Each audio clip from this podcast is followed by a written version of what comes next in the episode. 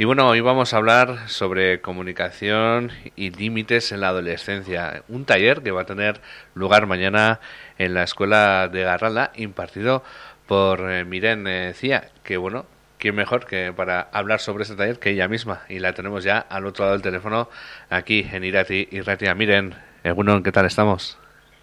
Eh, uno, buenos días a todos. Pues bien, con ganas. Con ganas, ¿no? De volver eh, de nuevo aquí eh, a impartir un nuevo taller, ¿no?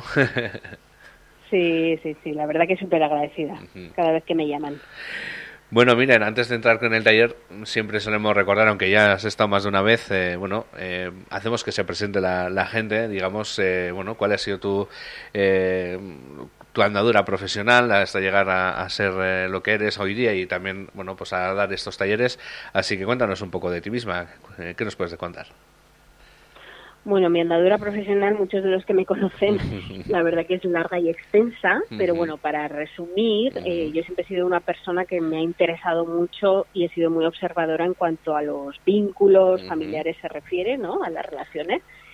Y, y, bueno, y en mi, en mi trayectoria como docente, sobre todo, porque soy docente en servicio en ahorro empleo y en diferentes instituciones, pues con los alumnos, adolescentes, jóvenes a los que yo, eh, que siempre siempre las asignaturas que yo he impartido han sido alrededor de, pues, del autodiagnóstico, del desarrollo personal, del autoconocimiento, competencias ¿no? personales, todo aquello que acompañe a, a la parte académica, ¿no? digamos, de nuestros jóvenes.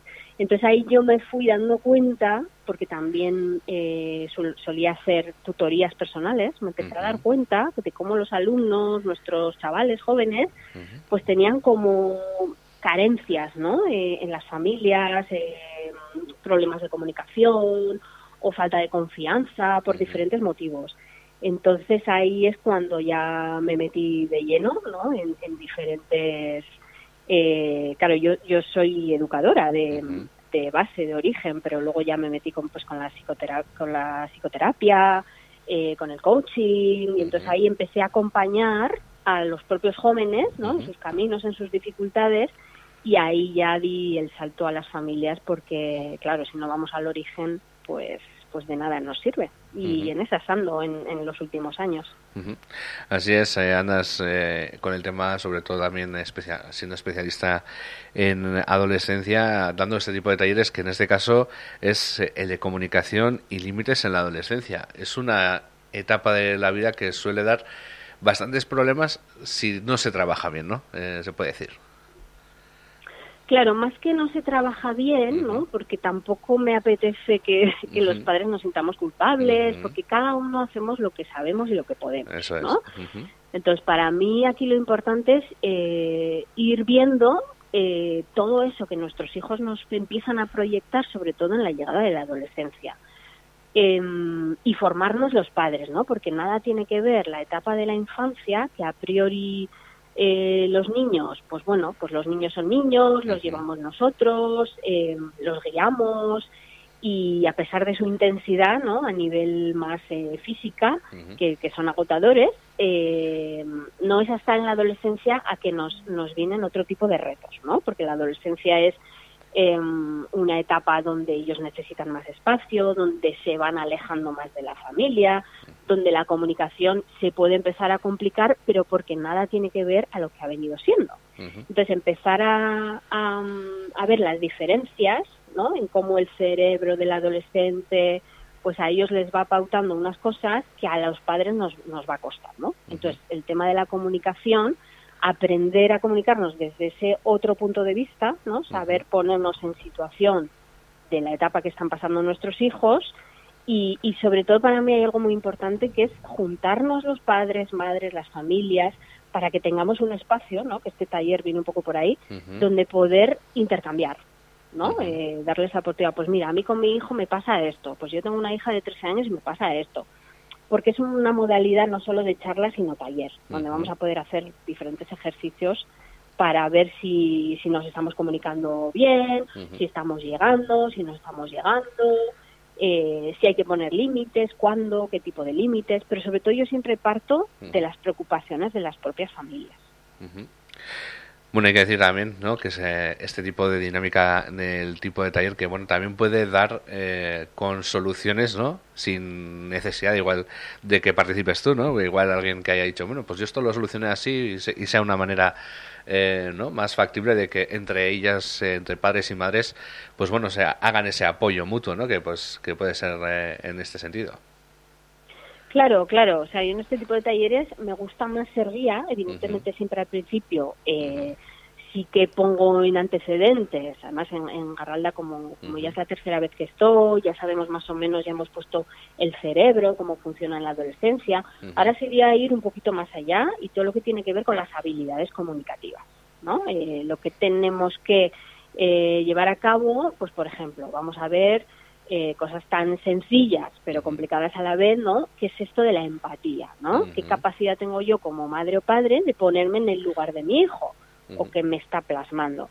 El tema de la asertividad, ¿no? Pues primero hay que ir poniendo una serie de conceptos teóricos para vernos en nosotros mismos, pero lo importante es lo que has dicho tú, Eneco. O sea, a mí me gusta que todos participen, que traigamos casos reales, porque para mí generar este tipo de espacios es súper importante porque si no, la labor de, padres, madres, a veces nos sentimos como muy solos y, esta vida nos atropella. Entonces, el ver que a la otra persona le está pasando cosas parecidas y que está en la misma sintonía que yo y tiene hijos adolescentes como yo, pues eso ayuda un montón y relaja un montón. Así es, ¿no? Es, creo que muchas veces se ve incluso la crianza o la educación, ¿no? Como algo personal y, bueno, pues también puede ser comunitario y eso, ¿no? Pues este tipo de talleres hacen ese tipo de hincapié, ¿no? En que también puede ser una educación comunitaria de, dar soluciones a nivel comunitario.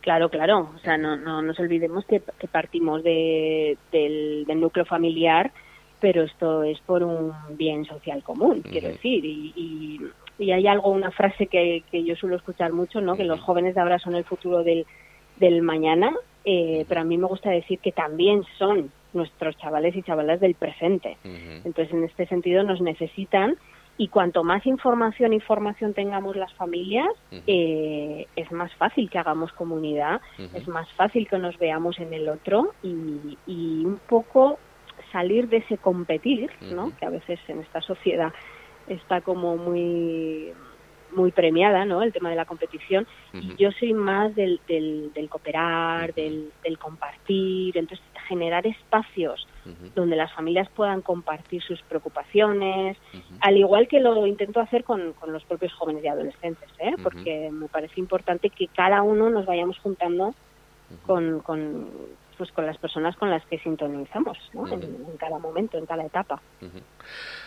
Bueno, supongo también que habrás trabajado en ámbitos más urbanos, más rurales. No sé si hay diferenciación también eh, a la hora de la adolescencia, a la hora de, bueno, de esas eh, problemáticas que, que han surgido, esas cuestiones que, se trabajan, si hay diferencia entre lo rural y, lo, urbano, por así decirlo.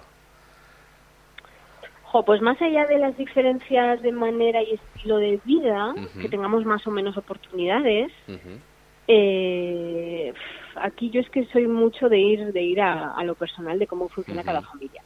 Y luego que tenemos que tener en cuenta en eco que claro en el momento que tenemos internet en el momento que nuestros hijos e hijas tienen internet en casa tienen un smartphone o sea que la manera de vincularse de nuestros hijos no, no cambia mucho viva en una ciudad o viva en un pueblo, ¿sabes? Eh, aquí es más la movilidad de los padres, si tenemos que ir en coche, llevarles, traerles, en eso sí, que es diferente, pero en la manera en cómo ellos gestan los vínculos, no te creas, o sea, por el tema del Internet, ¿eh? básicamente.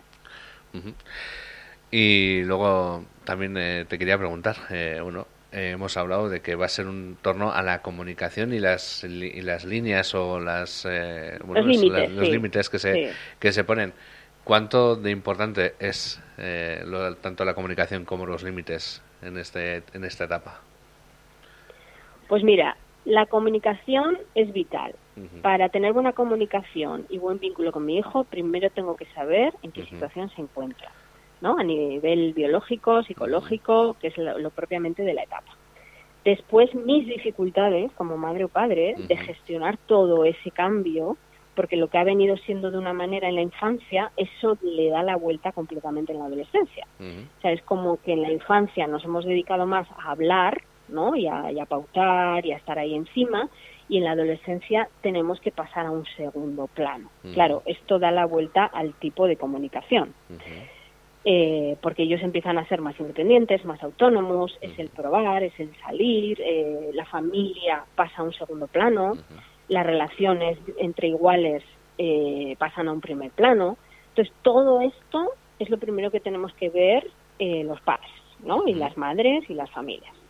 Claro, a partir de ahí, depende cómo estén puestos los cimientos, mm, tendremos la necesidad de poner más límites o menos límites. O sea, por eso primero vamos a revisar la cuestión de la empatía, que son las habilidades básicas de comunicación, la asertividad y la escucha activa, que es algo que a las familias nos suele costar bastante eh, pasar a un plano de escucha. Aunque parezca mentira, nuestros adolescentes están muy necesitados de que les escuche. Entonces, hay veces que lo hacemos al revés, ¿no? Que empezamos a poner límites por el miedo a lo que pueda pasar, pero nos estamos perdiendo el cómo hacer ese vínculo. Entonces, esto es lo que vamos a ir repasando, ¿vale? Límites, por supuesto que sí, pero em, cuando hay vínculo. Mm, poner límites sin vínculo a veces nos lleva un poquito al lado contrario y, lo que obtenemos es más rebeldía, más cuestionamiento, más confrontación. Entonces, de todo esto vamos a estar un poco trabajándolo, ¿no? darnos la oportunidad de, de sacar todo esto que nos preocupa y que a veces se nos hace difícil para ver si entre todos, pues, pues bueno, para mí la, la idea es que se lleven algo práctico siempre para casa. Y bueno, ese algo práctico va a tener lugar, eh, como hemos dicho, mañana en la escuela de Garralda. Ya lo único que nos quedaría, miren, es, pues, ¿qué le dirías a esos padres y madres que para que acudan a, este taller? Pues sí, mañana a las cuatro y media estaré ahí en Garralda. eh, ¿Qué les diría? es que claro, a mí el hecho de que nos juntemos mm, personas con las mismas preocupaciones, que no tengan miedo, que vengan, que, mm, que solemos llegar a muchas conclusiones, que vamos a poder comprender mucho más a nuestros hijos, pero sobre todo a nosotros mismos también.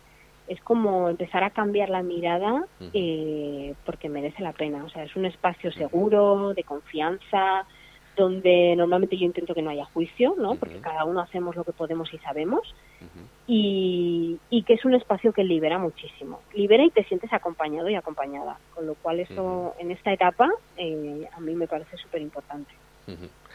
Pues así es, también nos resulta a nosotros importante eh, el trabajar eh, este tema, porque como has comentado, aparte del futuro, también son el presente, nuestros adolescentes.